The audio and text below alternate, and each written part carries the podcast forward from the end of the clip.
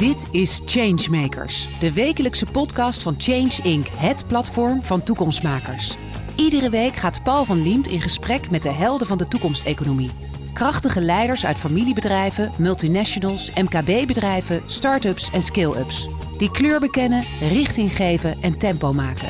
Vernieuwers voor wie verandering geen agendapunt is, maar een business case. Want morgen wordt vandaag bedacht. Mariette Alblas geeft coaching en training in persoonlijk leiderschap, begeleidt scale-ups in hun groei en werkt als algemeen manager en consultant bij Enflux. En een geweldige inleiding, je stond helemaal van de blozen bij de gouden, Mariette. Eh, klinkt goed ook dit, hè? Ja, het klinkt als een hele mond vol, als een uh, druk bezet persoon. Ja, nou zeker. Ben je volgens mij ook, je past ook hierin. Je hebt een heel mooi verhaal. Een verhaal waarin, ik kan het nu al verklappen, een boek een grote rol gaat spelen. Een boek wat voor jou echt uh, niet zomaar uh, insloeg, maar zo insloeg dat je echt een hele andere kant in je leven opging. Daar heb je bijna je, je nieuwe leven opgehangen. Daar gaan we het zo over hebben. Maar eerst, hè, wat we altijd doen in deze podcast, het duurzame nieuws van de afgelopen tijd. Wat is jou opgevallen? Ja, ik las uh, vanochtend uh, de krant op mijn telefoon, even tussendoor, snel. En uh, daar zag ik een kop dat Boyan Slat van de Ocean Cleanup gaat samenwerken met Coca-Cola. Ja. Toen dacht ik, hè hè. En het mooie is, dat stukje nieuws, dat valt in een, uh, in een soort grotere beweging die er gaande is. Afgelopen, afgelopen weken kom ik ook af en toe het woord tipping point tegen. Ja. Uh, natuurlijk de, de uitspraak uh, over ja, Shell. Dat je ook in één keer ziet van, hé hey, wacht, er beginnen andere machten te werken. Het systeem begint te kantelen. En dat zag ik hier ook in. Dus er ja, zit en iets van leiderschap in, van wat die slat toch allemaal voor elkaar krijgt. En aan de andere kant ook dat je ziet die grote corporates, dat die ook verder gaan kijken dan nou ja, in de jingle zit het zo mooi, hè? de business case. Uh, dat ze naar de value case gaan kijken. Dat ook brand belangrijk begint te worden. Ja, dat hoop je, hè? dat het die kant op gaat. Dat ja. hopen heel veel mensen zelfs ook. En er wordt ook vaak geroepen. Uh, dat, heb je, dat kun je bereiken door verschillende coalities te vormen van mensen die opeens bij elkaar zitten. Waarvan je het nooit had verwacht eigenlijk. Het kan ook uh, komen van nieuwe generaties. Daar moet het vooral van komen. Geloof je er ook in? Ik denk dat het een mixje is. Toch? Ja, ik, ik zet op allebei in in mijn werkveld. Uh, op, ja, op, op, op, op, op, ja, op de mensen. Um, en op de scale-ups, dus die nieuwe frisse bedrijven die echt een ander idee hebben. En daarom zit ik daar ook. Ik denk, nou, dat, dat idee moet podium hebben. En ik moet ervoor zorgen dat die zo goed georganiseerd zijn dat ze het ook gaan redden. Ja. Dat in ieder geval daar niet aan ligt. Um, en aan de andere kant uh, werk ik bijvoorbeeld nu ook in de, in de regio Utrecht aan een uh, ja, integraal duurzaam bouwen. Waarin je dus alle gemeentes, uh, een, een, een, een provincie, grote bouwers, kleine bouwers, waterschappen, bij elkaar moet krijgen in zo'n coalitie om iets voor elkaar te krijgen. Dus het is, ja, het is complex. Ik denk niet dat er één conclusie te trekken valt. Mag ik dat laatste even bijpakken? Want dat is een heel mooi voorbeeld wat je nu noemt. Hè? Uh, al die, dat wordt dan heel, met een lelijk woord een beetje de silo's worden dat genoemd. Hè? Allemaal mensen die eigenlijk hun eigen taal spreken, die elkaar vaak niet begrijpen, eigen jargon ook hebben. En toch ja. moeten samenwerken in zo'n project. Kun je een paar dingen noemen waar je dat tegenaan loopt? Want ik denk dat dat heel leerzaam, behulpzaam is ook voor anderen die dit horen. Nou, je, je gebruikt de woorden uh, moeten samenwerken. En het leuke is, dit start allemaal met willen samenwerken. Met, um, met leiders die bevlogen zijn en die weten, ik kan beweging creëren. Ik kan, ik kan zorgen dat we het anders gaan doen. Ik kan op de juiste plek een duwtje geven. Dus daar begint het. Het begint altijd met, um, ja, zoals het zo mooi heet, de, coalition of the willing. En ambitieniveaus. Um, maar vaak zit daar een aanstekelijkheid in, uh, waardoor het groter wordt. En waardoor ook andere partijen uh, mee willen. Maar ook waardoor je um, kan faciliteren dat ze mee kunnen. Want we maken het vaak zo complex. Kijk naar duurzaamheid. Nou ja, iedereen duurzaamheid weet wel wat duurzaamheid is. Maar als je het gaat afpellen, zeker als je het hebt over nieuwbouw. Dan kom je op uh, circulair, je hebt de energietransitie, klimaatadaptatie, biodiversiteit, uh, mobiliteit. Nou, je hebt nog wel een aantal thema's.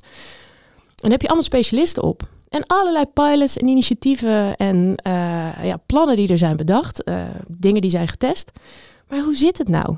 Als je een kleine bouwer of een kleine gemeente bent, is het niet zo makkelijk om weer op dat kennisniveau te komen. Dus wat we doen met zo'n nou ja, zo'n proces waar we nu in zitten, is kijken hoe kunnen we die complexiteit weer terugbrengen en zorgen voor een begrijpbaar instapniveau. Dat iedereen weer mee kan doen en dat je dus echt op een andere manier gaat bouwen. Maar je bedoelt uh, begrijpbaar voor iedereen, hè? voor al die partijen die je ja. nu noemt. En inderdaad, ze moeten niet, ze willen. Maar het is prettig als ze wel allemaal meedoen, toch? Of niet? Zeker, dus daar zetten we ook ja. op in. Ja. Dat is ook echt de bedoeling. Maar hoe kom je tot diezelfde taal? Want we weten dat mensen ook niet alleen een andere taal spreken, maar vaak ook andere belangen hebben. Zeker als ze daarin komen. En, en we gaan dadelijk over het boek praten. Ja. Dat komt allemaal naar voren. Maar dat ze, mensen zijn het allemaal. Je, je hebt het met angst te maken, uh, met licht cynisme ook, met je vooroordelen. Alles moet je van je afschudden. Nou, dat is heel veel gevraagd voor mensen die dat niet gewend zijn. Hè? En dat is, dat is eigenlijk wat, jij ten doel stelt met je, met je leven, met je werk. Nieuw leiderschap ook. Maar hoe probeer je dat dan? Laten we, laten we een voorbeeldje doen van iemand, laten we zeggen, die je heel graag erbij wil hebben, maar toch aarzelt. En jij herkent ook precies waar het, waar het hem in zit. Hoe gaat het dan om iemand er toch bij te, bij te trekken? Ehm, het is een leuke vraag. Ehm, en het leuke zit hem erin, ik doe dit niet alleen. Uh, wat mijn rol is in het geheel, is uh, faciliteren dat die coalitie er komt. Dat die mensen met elkaar gaan samenwerken. Dus over het algemeen ben Um, tenminste, bij de mensen waarbij ik dichtbij samenwerk, ja, daar ben ik degene die dit soort dingen aankaart. En één op één met iemand gaat zitten met, ik heb dit gehoord. Bij mij roept dat dit op. Of ja. dit hoor ik je nou een paar keer zeggen. Ik ben wel benieuwd, wat zit daaronder? Wat, wat bedoel je er precies mee? Wat heb je in het verleden meegemaakt dat je deze reactie geeft? Maar als je daar buiten gaat kijken, zo'n proces is zo groot, zitten zoveel mensen in. Um, het moment dat ik die allemaal erbij moet houden, dan is de zaak verloren. Dat zie je programmamanagers wel eens doen. Hè? Die proberen gewoon 23 mensen aan te sturen en dan moet het lukken. Beetje Chinese dictator. Uh, nou ja, iemand die graag de boel uitzet en in, uh, in de, de, lijntjes in handen houdt. ja, toch, toch moet ik even, soms is het wel handig. We zien het nu ook, uh, mensen zien al die praktische voorbeelden. En dat is ook het complex van deze tijd. Dus helemaal niet erg, kun je ook van leren. Maar je ziet het ook, uh, wij dachten dat we heel goed georganiseerd waren. Soms is het wel handig hè, dat er regie is. Kijk naar de GGD, kijk naar de vaccinatie, wat er misgaat.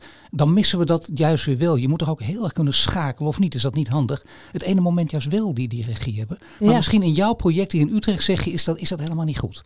Nou, um, regie zit hem in een aantal dingen. Uh, dat zit hem aan de ene kant in het leiderschap. Dus hoe geef je richting? Uh, welke woorden gebruik je? Hoe, hoe, kaart je dingen aan? Hoe helder zijn de doelen?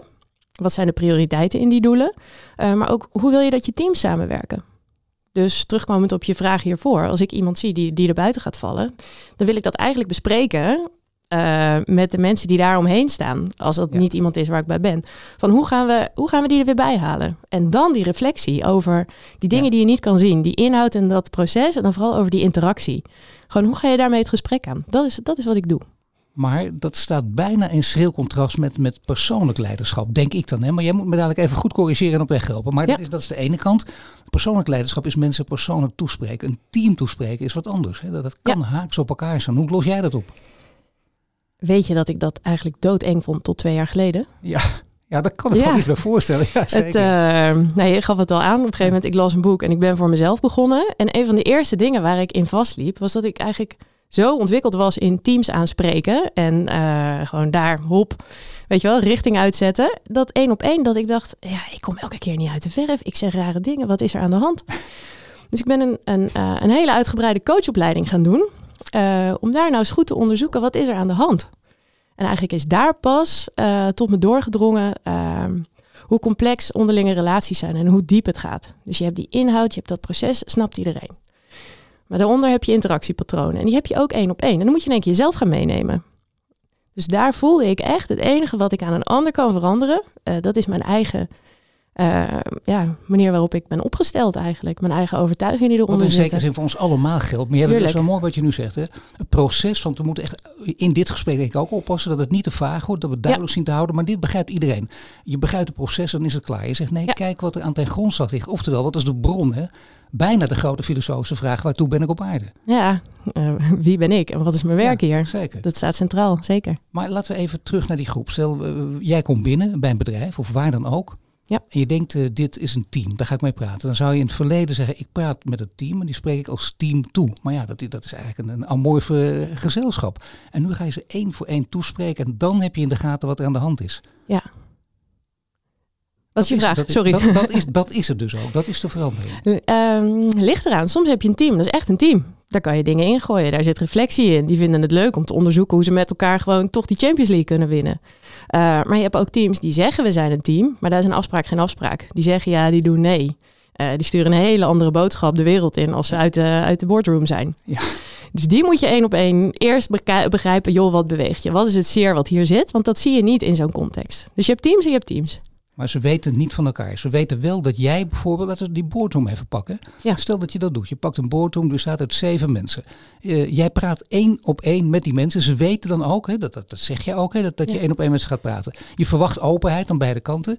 Zeg, zeg je ook tegen ze, dit gesprek blijft onder ons. Ik ga dit niet in de groep gooien zometeen, wat ik hier hoor. Eh, ligt eraan, als er dingen in zitten die ik wel wil gebruiken, zou ik dat ook zeggen.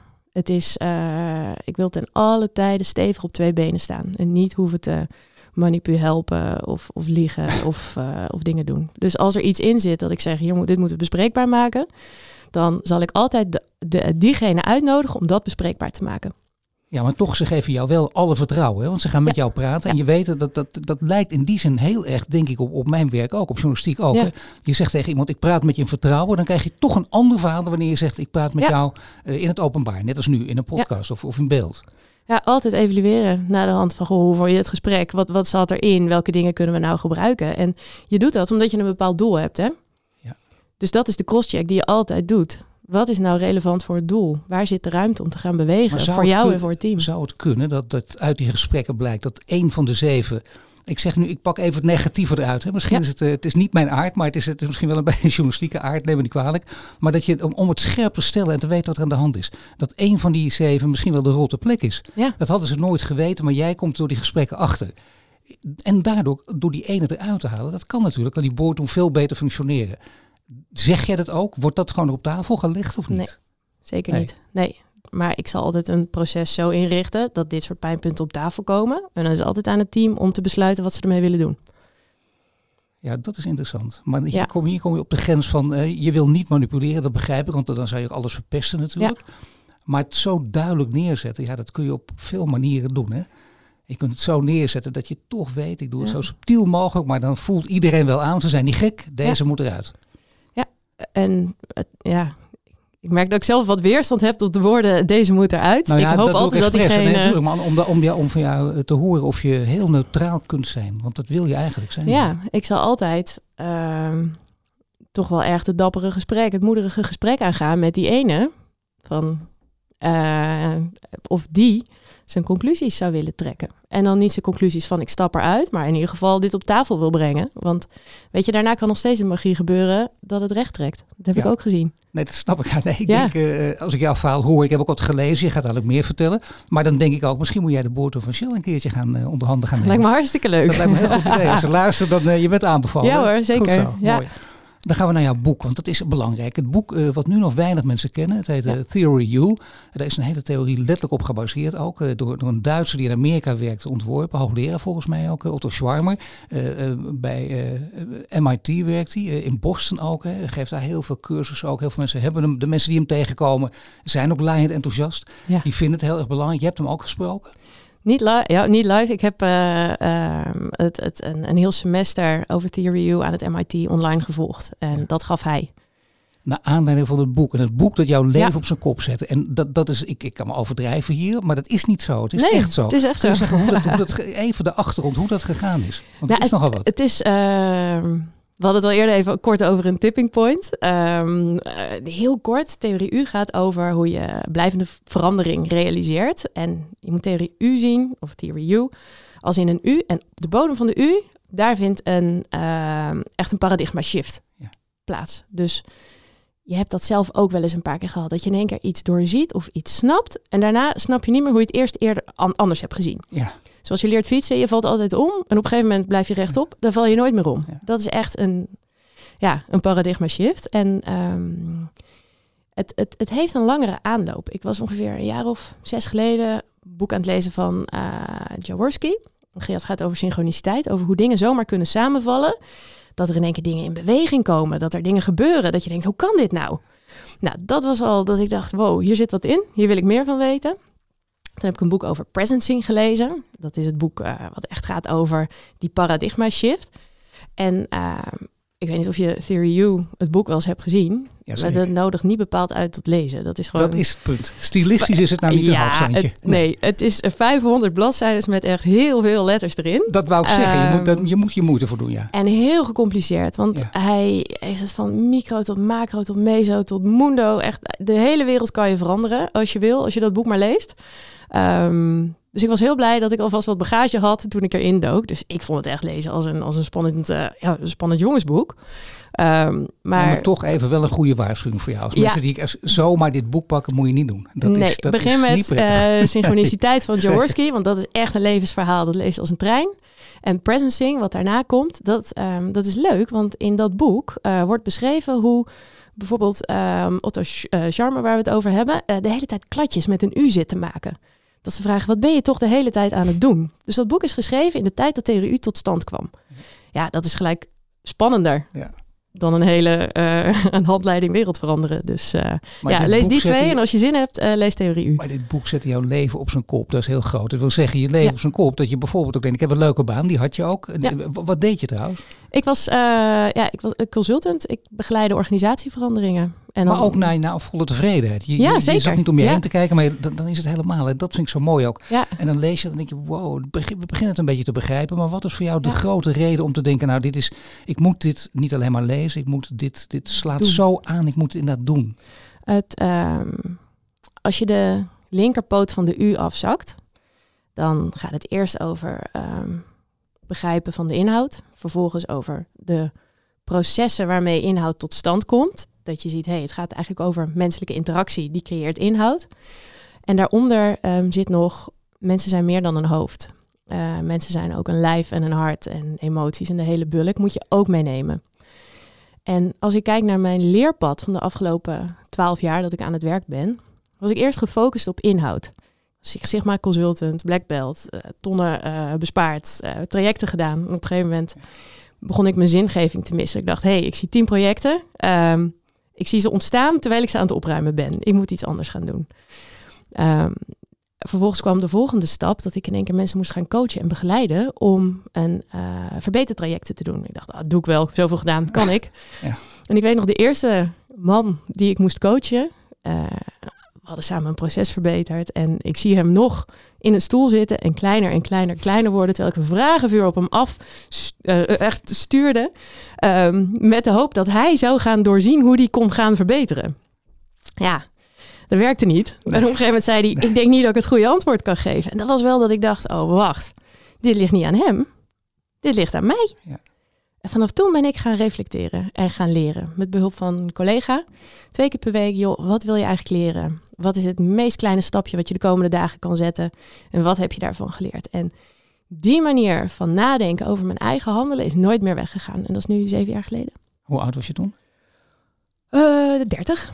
Nou, dat vind ik, dat is, dat is behoorlijk. Dat vind ik wel wat. Hè. Je, je hoort ook, dat vind ik heel interessant altijd. Bij psychologen wil ik ook altijd graag weten. Mensen zijn, het verschilt per persoon, maar mensen zijn te veranderen. Dat gebeurt ook, maar er staan bepaalde dingen vast, al gemiddeld hè, rond 3, 4, 25. Dit is zo'n grote verandering, dan ben je 30 hè. Dan heb je ook lef voor nodig dus, om, om gewoon daaraan toe te geven. Want meestal leg je het weg en een week later denk je, ah kom op, ik heb het toch leuk en flauwekul. Ja. Het is echt ingrijpend, zo ingrijpend dat je mensen kan aanraden dus ook. Om dit, ja, dit echt te lezen, dit ook in je leven toe te passen. Ja, ja, ja. Het... Uh ja, want uh, ik ben nou heel leuk mijn levensverhaal aan het vertellen. Maar de conclusie was dat ik bleef reflecteren en leren. En op een gegeven moment dat het ook ging over die menselijke interacties. En dat boek, um, dat beschrijft precies al die fases in menselijke ontwikkeling. Dus ik zag mijn hele leertraject en in één keer dacht ik, wacht. Ik was al een paar jaar echt veel bezig met uh, duurzaamheid. Dus vooral veel thuis en veel dat ik weet, ja, ik, ik moet daar wat mee. En in één keer dacht ik, wat ik doe, doe ik goed. En dat is ook echt wat ik wil doen en wat ik moet doen. Maar ik doe het op de verkeerde plek. Ja. Ik zit nu op een plek waar het is, u vraagt, wij draaien. Wel binnen onze eigen uh, normen en waarden. Uh, want het is echt een, een, een hele mooie, uh, authentieke club waar ik zat.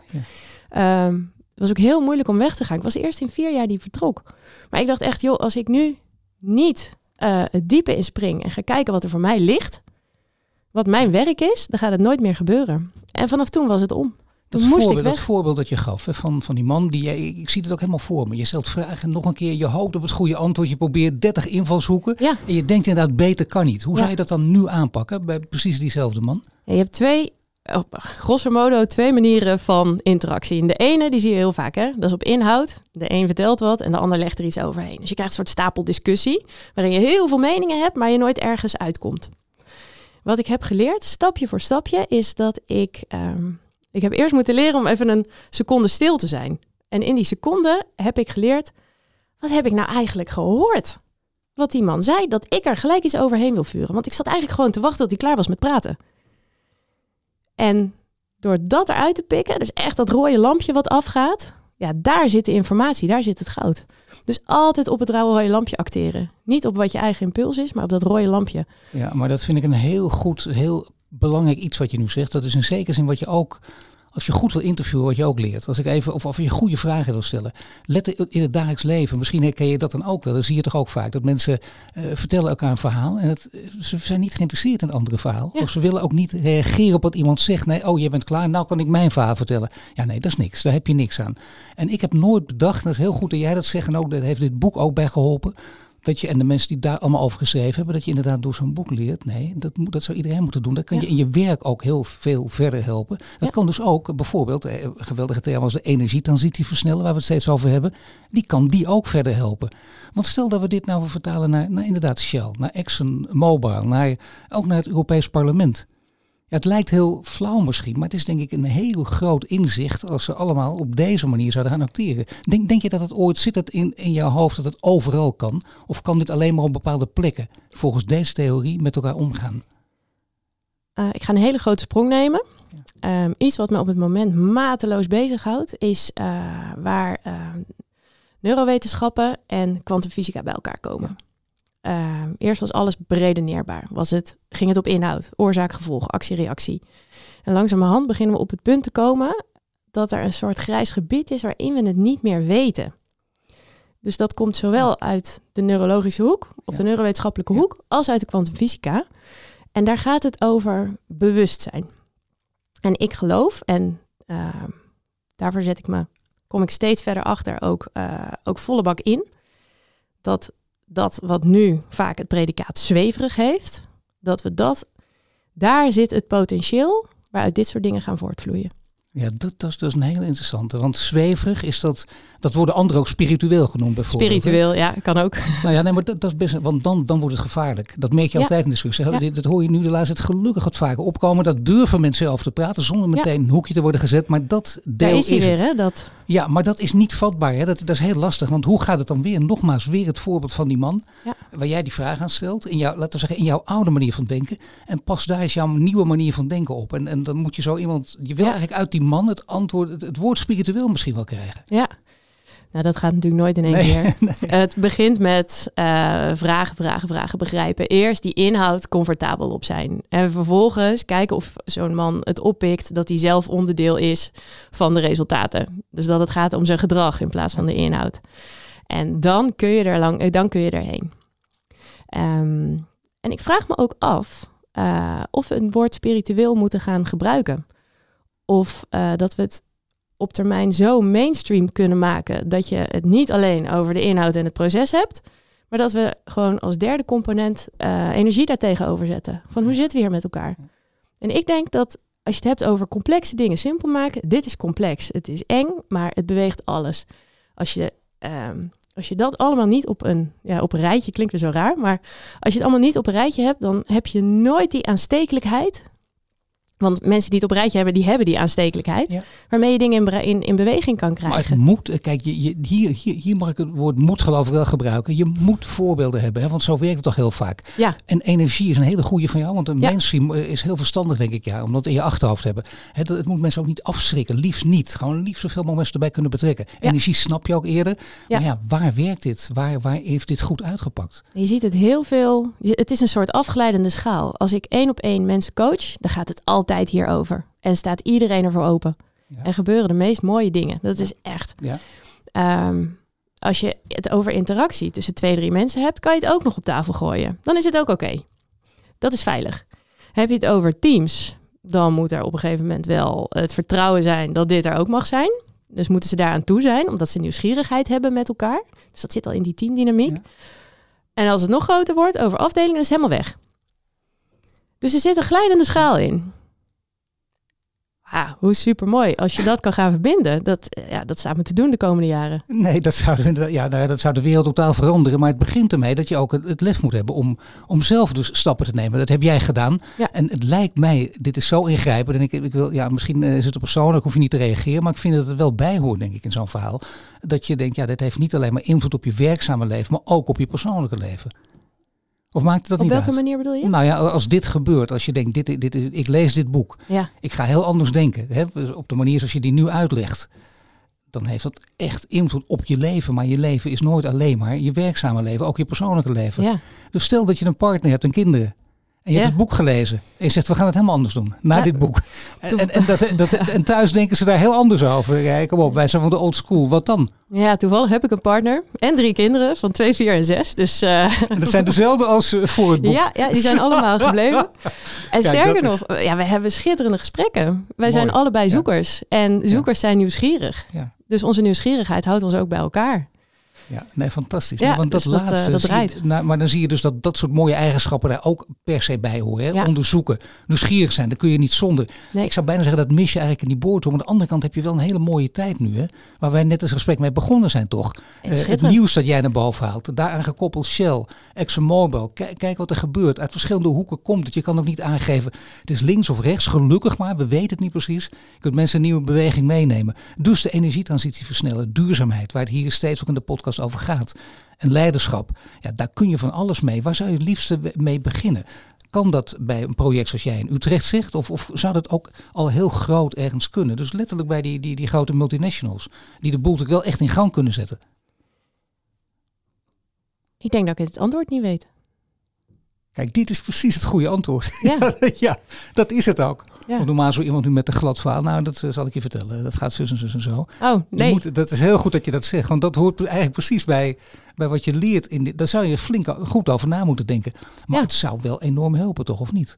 Het zou, het zou enorm helpen. En gelukkig gebeurt er al echt veel werk. En ook in de boardrooms van, van Shell. Het, het- het- er gebeurt zoveel. Ehm, ik wou dat ik allemaal wist wat er gebeurde. Dat je gewoon als een vlieg op de muur echt dat overzicht kon hebben. Maar eh, ja, het, eh, een van de lessen die ik heb opgeleerd, eh, opgehaald eh, de afgelopen jaren is... hoe meer ik focus op het eindresultaat, ja, dan ga ik er sowieso niet komen. Want dan zie ik niet meer wat er om me heen gebeurt. Dus think big ehm, gaat voor mij niet op.